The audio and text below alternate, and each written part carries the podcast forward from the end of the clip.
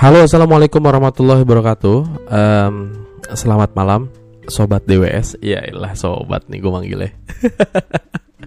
So akrab banget ya. Uh, Kembali lagi bersama gue Ardian Syafadli Di, di Waktu Senggang Podcast. Apa kabar semuanya? Semoga selalu sehat Batinnya Dompetnya Dan ya selalu diberkahi gitu ya. Setiap langkah dan perjuangannya. Gokil. Anak Uin banget ya gue emang. Iya sih anak Uin gimana dong? Um, di kesempatan podcast kali ini gue juga masih sendiri nih. Gue lagi nggak sama uh, Pak Farhan gitu dengan Bibiu gitu. Sebenarnya Farhan kuadrat sih. Mereka bener-bener lagi sibuk kayaknya gitu kan. Tapi tenang aja gitu di podcast kali ini gue mau cerita nih. Jadi santai aja kita ngobrol ya. Kemarin itu gue gegayahan sih sebenarnya. Jalan-jalan lah bahasanya. Ya kalau bisa disebut mungkin solo traveling kali ya anjay. Iya jadi kemarin gue solo traveling sih bener-bener gambling banget gitu. Ke daerah Bandung Jawa Barat. Bisa dibilang dadakan gitu tapi bisa dibilang juga direncanakan gitu. Kenapa dadakan? Karena gue ngerencanainnya nggak jauh-jauh hari gitu. Bener-bener yang gambling banget ah pengen ke Bandung Bandung gitu sosokan gitu. Padahal duitnya kan sedikit ya. Maksudnya nggak punya duit banyak gitu tapi ya udahlah gitu. Nah tadinya gue jalan-jalan tuh pengen naik motor sebenarnya ke Bandung. Kebetulan waktu itu minggu lalu ya gue libur di hari Sabtu sama Minggu gitu. Jadi gue pengen jalan-jalan ke Bandung tuh naik motor tadinya. Tapi pas hari Sabtu itu gue bangun kesiangan dan juga gue belum ganti kampas rem motor gue tuh belum gue rapihin gitu akhirnya.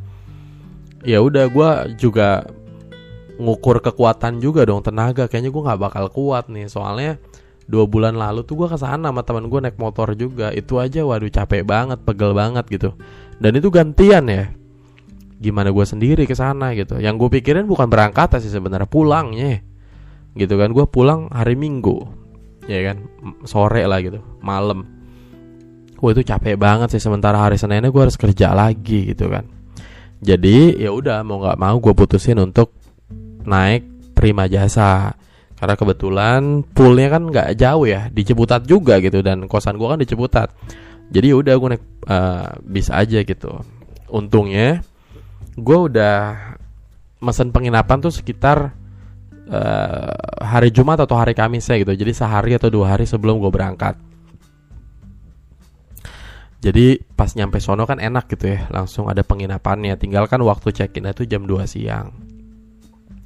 Nah sebenarnya yang mau gue ceritain itu bukan tentang ngapain aja gue di sananya gitu ya. Namanya juga jalan-jalan refreshing gitu ya. Tapi uh, ini relate gitu dengan tema atau judul yang pengen gue bicarain di podcast episode kali ini gitu. Jadi gue bicarain soal solo traveling dan ini based on experience gue aja ya jadi uh, pertama gitu ya gue tuh belum pernah jalan-jalan sendiri gitu. Karenanya jalan nggak berlebihan kalau gue bilang bahwa jalan-jalan sendiri itu menjadi pencapaian terbesar gue sih kalau itu terwujud gitu. Soalnya ke mana-mana tuh gue selalu sama temen gitu kalau jalan-jalan ya maksudnya Bandung sama teman ke puncak sama teman ke mana-mana itu pokoknya sama teman lah gitu. Nah gue pengen nyobain gimana rasanya gue jalan-jalan tanpa temen gitu. Dan ternyata asli gokil enak gitu. Yang gue bedain adalah pertama gue merasa lebih leluasa aja gitu di perjalanan. Karena apa pun yang gue lakuin tuh bener-bener kayak ya udah nggak usah diskusi dulu gitu gue ngelakuin bebas tuh atas keinginan gue atas pilihan-pilihan gue gitu. Dan tidak perlu memikirkan gimana pendapat orang lain gitu. Jadi kan kalau kita berangkat berdua kan atau bertiga berempat gitu maksudnya nggak sendiri tuh selalu kita bicara tentang selalu kita bahas dulu kan kita mau ke mana gitu mendiskusikan sesuatu. Kalau ke sini tuh kayak kita diskusi dulu gitu. Nah berangkat sendiri itu memungkinkan kita leluasa aja kita bisa ke mana-mana gitu dan akhirnya itu juga yang mungkin bikin video tuh jadi kayak mudah banget gitu. Karena gue tinggal ngomong gue tinggal di kamera gitu jadi nggak perlu nggak enakan gitu. Itu sih yang gue rasain gitu ya bedanya. Lega banget gitu dan kayaknya gue bakal nyobain solo traveling lagi ke tempat lain atau mungkin ke Bandung lagi karena gue suka banget Bandung gitu. Tadinya gue pengennya bukan cuma hari Sabtu Minggu gitu tapi gue pengen solo traveling gitu atau jalan-jalan ke Bandung tuh misalnya selama satu minggu. Jadi kayak di sana tuh sambil kerja gitu. Jadi kayak kalau sekarang tuh bukan sekarang sih dari dulu juga uh, populer tuh namanya travel nomad. Travel nomad ini setahu gue ya banyak banget dilakuin sama orang-orang luar negeri gitu ya. Warga negara asing gitu. Nah salah satu tujuan travel nomad tuh ya Bali gitu jadi uh, mereka tuh datang ke Bali tinggal selama berbulan-bulan gitu dan ya mereka kerja gitu. Tapi kerjanya ya online gitu maksudnya kerjanya nggak di di kantor gitu kan. Uh, kebetulan ya travel nomad ini memang uh, mereka-mereka yang memungkinkan gitu pekerjaannya untuk bisa dilakukan dari jarak jauh. Gitu dan itu dilakukan kok sama banyak uh, orang-orang luar negeri gitu terutama kalau di Bali itu pasti gue belum pernah ke Bali sih tapi kalau ngeliat dari banyak video-video kan sering ada ya di YouTube itu banyak banget gitu orang-orang asing gitu yang kerjanya ya memang di situ gitu. Mereka nyewa penginapan gitu, mereka ngekos gitu. Jadi sambil jalan-jalan, nah itu travel nomad. Tapi kayaknya agak berlebihan kalau bilang, gue bilang misalnya kalaupun gue jadi ke Bandung dan seminggu itu adalah travel nomad ya kayaknya berlebihan banget gitu karena uh, travel nomad tuh punya satu fleksibilitas kerja. Gue nggak punya, beda tuh ya di situ aja. Kedua, ya gue punya fleksibel nih ya gara-gara covid aja. Kalau nggak covid ya gue tetap ke lapangan gue tetap liputan gitu. Kedua travel nomad tuh punya standar gaji yang tinggi gitu. Kalau gue pernah baca waktu itu dan gue pernah buat beritanya juga kalau nggak salah travel nomad tuh per bulan dia punya gaji sekitar 150 jutaan lah wah jomplang parah banget gitu. Gue 0,0 sekian persennya gitu gaji gue gitu. Jadi kayaknya jauh banget dari sisi penghasilan gitu. Makanya ya nggak bisa dibilang travel nomad juga sih. Seben tapi gitu ya apa pun namanya gue pengen aja ngerasain ke sana tuh seminggu terus nginep di hotel yang hotel budget lah ya hotel hotel murah gitu. Kayaknya lucu-lucu juga gitu unik-unik juga gitu ya selain murah gitu. Soalnya uh, dia menyediakan misalnya tempat tidur yang nggak terlalu luas. Kalau biasa hotel itu kan satu kamar gitu ya. Ini enggak satu kamar bareng-bareng rame-rame ya gitu. Jadi kayak hotel budget kayak hotel-hotel kapsul gitu kan. Jadi kayak satu kotak gitu. Jadi kayak ada satu ruangan khusus tempat tidur isinya gitu yang itu uh, bertumpuk-tumpuk gitu kan. Jadi kayak bareng-bareng lah kayak kamar bersama lah bahasanya. Um, tapi hotel-hotel yang kayak gitu tuh uniknya dia punya ruangan yang bisa digunakan bareng-bareng juga jadi ruangan bersama juga gitu. Nah itu tuh asik banget cozy banget menurut gue gitu kalau gue ngeliat di YouTube gitu ya. Kayaknya enak buat tempat kerja gitu buat tempat ngopi gitu. Nah gue pengen ngelakuin itu sebenarnya ke eh, waktu minggu lalu itu jadi selama seminggu di sana gitu. Tapi ya apa dikata gitu covidnya juga udah agak mulai rendah gitu udah selesai gitu sehingga pembatasannya juga udah mulai dikurangi gitu ya. Udah mau tidak mau uh, ya kantor tuh ya mulai menerapkan turun ke lapangan lagi gitu. Walaupun kayak jarang-jarang gitu tapi ya dalam seminggu tuh kayaknya ada deh uh, eh, gue ke lapangan gitu. Jadi ya udah gue nggak mungkin untuk tinggal di sana selama seminggu gitu. Ya udah akhirnya gue putusin untuk bisa jalan-jalan ya sabtu minggu aja deh gitu gue gue maksimalin gitu. Um, nah itu dia travel nomad eh travel nomad maksudnya solo traveling. Buat gue solo traveling adalah apresiasi juga sih apresiasi diri ya. Um, mungkin dan investasi juga sih. Ya walaupun tidak investasi yang sifatnya walau bakal kaya dengan itu ya. Enggak juga gitu ya, ya investasi kan macam-macam ya. Ada investasi pengalaman gitu ada investasi uh, ya waktu ada investasi hiburan gitu. Ya itu bisa dianggap sebuah guys sebuah investasi sih menurut gue ya kalau orang mungkin memilih mereka bekerja gitu ya, penghasilannya kemudian dialokasikan untuk misalnya membiayai kebutuhan dia, disimpan, ditabung, di ya untuk jangka ke depan dia gitu. Tapi ada juga sebagian orang yang punya alokasi sendiri misalnya untuk jalan-jalan, untuk apresiasi diri gitu. ya ya semenyenangkan apa pun pekerjaan gue yakin orang butuh refreshing gitu lu tanya deh misalnya sama orang yang kerjanya tuh jalan-jalan misalnya. Apakah dia semenyenangkan itu? Gue yakin enggak gitu. Karena perjalanan yang dia lakukan tuh ya kerja jatuhnya gitu. Sehingga feelnya beda gitu. Kayak gue misalnya dulu pernah punya kesempatan keluar negeri gitu ya. Dan itu ada kegiatannya gitu. Itu ya ya kegiatan gitu. Pertukaran pelajar gitu. Jadi bicara feelnya gimana ya buat gue kurang gitu dibandingkan gue misalnya jalan-jalan yang gue nggak ada agenda apa pun misalnya kerja kah atau kegiatan kah bener-bener literally anjay anak jaksel banget gitu ya. Kegiatan gitu literally kegiatan gitu bener-bener eh literally kegiatan maksudnya bener-bener jalan-jalan gitu. Nah buat gue itu penting sih Apresiasi diri itu penting. Gak harus jalan-jalan ya Makan kan ya kadang sesekali gak apa-apa lah Makan mewah gitu kan Pesan burger gitu. Ya itu buat mengapresiasi diri kita gitu. Karena kan ya kerja tuh capek gitu. Sehingga butuh apresiasi itu apa ya gitu. Dari hasil pekerjaan yang Lu lakuin gitu berhari-hari gitu. Lu beli apa? Misal beli kamera gitu. Lu beli motor Lu jalan-jalan ke sini Lu jalan-jalan ke situ. Buat gue itu penting sih. Selain membuktikan bahwa uh, apa yang lu punya menjadi sebuah bukti gitu dari kerja keras lu gitu. Tetapi itu tuh penting juga gitu untuk menghibur diri gitu. Ah ini lucu nih kita pengen beli gitu. Mungkin bisa dibilang impulsif cuma ya apa salahnya sih gitu? Jadi sejauh kita gitu puas melakukan sesuatu ya buat gue duit gitu. Bukan duit full sih maksudnya ya lakuin gitu. Ya gak sih?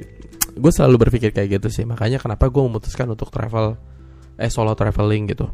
Dari dulu sebenarnya gue sampai cerita ke banyak orang gitu ya tentang keinginan terbesar gue untuk bisa berangkat sendiri. Bahkan gue mengapresiasi siapa pun gitu orangnya gitu yang berani gitu jalan-jalan sendiri. Maksud gue jalan-jalan sendiri tuh kayak ya lu jalan-jalan bener-bener gambling gitu. Di sananya tuh nggak nemuin siapa pun. Misal lu jalan-jalan ke Solo ke Jogja ke Semarang yang memang lu di sana nggak ada siapa-siapa gitu. Bener-bener kayak me time aja gitu sendiri nah gue salut sih sama mereka-mereka itu gitu. Makanya gue sering curhat gitu atau sering ngegali informasi gitu. Bahkan sampai teman gue perempuan aja gue curhatin gitu. Maksudnya gue tanya-tanya gitu kenapa sih kok lu berani banget sendiri? gitu. Mungkin itu adalah langkah persiapan gue untuk bisa oke gue besok sendiri gitu.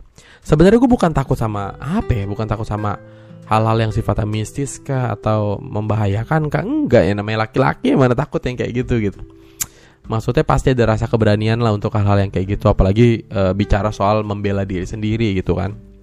Membela nyawa kayak gitu-gitu ah udah selesai lah gitu. Sebenarnya ketakutan itu datang dari pikiran-pikiran kayak aduh ntar gue ngapain ya di sono? gitu. Aduh gue bisa nggak ya? gitu. Aduh ntar gue misalnya nih ya gue jalan ke sana ke misalnya ke Bandung atau ke Jogja gitu. Terus di sana gue nggak ada temen. Di hotel pun sendirian. Ke mana-mana kayaknya bakal mager deh terus gue sepanjang perjalanan tuh kayaknya bete banget gitu sih nggak nggak ngobrol gitu sama siapa-siapa gitu. Hal-hal yang kayak gitu yang gue pikirin gitu makanya gue selalu nanya sama teman-teman gue gitu. Bisa di telepon atau di video call atau apa pun gitu ya. E, ketika ketemu juga gitu sering nanya kok lu berani banget sih tiba-tiba kayak jalan-jalan ke gunung gitu sendiri? Apalagi perempuan lu bayangin. Sendiri kalau gunung gue sih ya gue, agak takut sih. Gue emang orang penakut men maksudnya sama hal-hal mistis gue takut. Gue nggak tahu kenapa. Dari dulu tuh gue takut gitu. Gue kamar mandi dulu dianterin kan. Nah makanya kalau gunung-gunung gue agak ngeri sih. Cuma yang gue salut adalah kalau berani sih sendiri gitu. Berangkat dari sini ke sana gitu. Akhirnya gue mikir ya ampun ceweknya berani gitu ya. Masa gue nggak berani gitu ya? Maksud gue keberanian itu kan butuh hal ya. Maksudnya keberanian finansial gitu. Keberanian gue ngapain aja di sananya gitu. Ya keberanian gue siap secara mental untuk bisa menikmati kesendirian gue di perjalanan gitu. Itu aja sebenarnya. Nah akhirnya ya gue ngelakuin itu minggu lalu dan gue rasa itu asik banget sih gitu. Dan ya nggak berlebihan juga sih kalau kayaknya gitu ya. Solo traveling tuh layak juga sih untuk dicoba buat kawan-kawan gitu ya yang pengen ngerasain atau punya pengalaman eh, jalan-jalan sendiri. Bener-bener enak deh, bebas banget sih menurut gue gitu. Dan gue pengen berangkat lagi sih. Rencana gue mau ke Bandung lagi karena ada daerah-daerah yang kayaknya bagus dan belum gue datengin gitu dan gue nggak tahu ya kayak nggak puas aja gitu ke Bandung sampai teman gue orang Bandung ketika gue bikin story itu kayak gue kan bikin story kayak wah ini sesuatu hal yang pengalaman gue yang mengesankan buat gue gitu asik banget seru banget gitu bukan Bandung ya tapi sendirinya gue ke Bandung itu terus kata teman gue yang di Bandung gitu serius di? Semengesankan itu Bandung. Perasaan biasa aja deh. Tuh gitu. Ya iya sih biasa aja. Cuma nggak tahu gue berkesan aja. Makanya gue pengen datang lagi ke sana gitu. Nah gue juga bilang gitu ke dia. Gue selalu bersyukur. Buat gue gini ya gue selalu bersyukur gue selalu ingin menjadi seorang pengunjung ke mana pun gue pergi kenapa? Karena ketika gue menjadi pengunjung tempat yang akan gue datengin adalah sesuatu hal yang baru buat gue gitu. Akan menjadi tempat yang mengesankan gua, buat gua dan akan menjadi tempat yang mengen apa yang bisa gua kenang gitu. Karenanya gue juga nggak pernah mau misalnya ya misalnya gue ke Bandung kemudian Bandung ini berkesan buat gue terus akhirnya gue punya mimpi untuk bisa menjadi warga Bandung punya KTP di Bandung nggak pernah karena ketika gue menjadi bagian dari Bandung atau gue tinggal di Bandung atau gue menjadi warga Bandung gue yakin kesan itu akan hilang. Ba Bandung tidak akan semenyenangkan itu lagi menurut gue dan tidak akan semengesankan itu lagi buat gue karenanya gue selalu bersyukur bisa menjadi orang asing pada sebuah tempat yang pernah gue datengin gitu. Atau tempat-tempat yang belum gue datengin uh, gitu sih. Kadang ya nggak sedikit juga kan orang yang kayak wah mengesankan nih. Tiba-tiba kayak excited banget worth it banget datang ke satu tempat terus dia kayak punya mimpi kayaknya gue eh, enak deh hidup di situ gitu. Tinggal di situ gitu. Misalnya kayak di luar negeri wih kayaknya enak ya hidup di Finlandia. Gue punya mimpi deh. Misalnya dia pernah jalan-jalan ke sana gitu ya. Terus dia nikmatin sehari dua hari atau seminggu hidup di sana terus kayak nyaman banget gitu.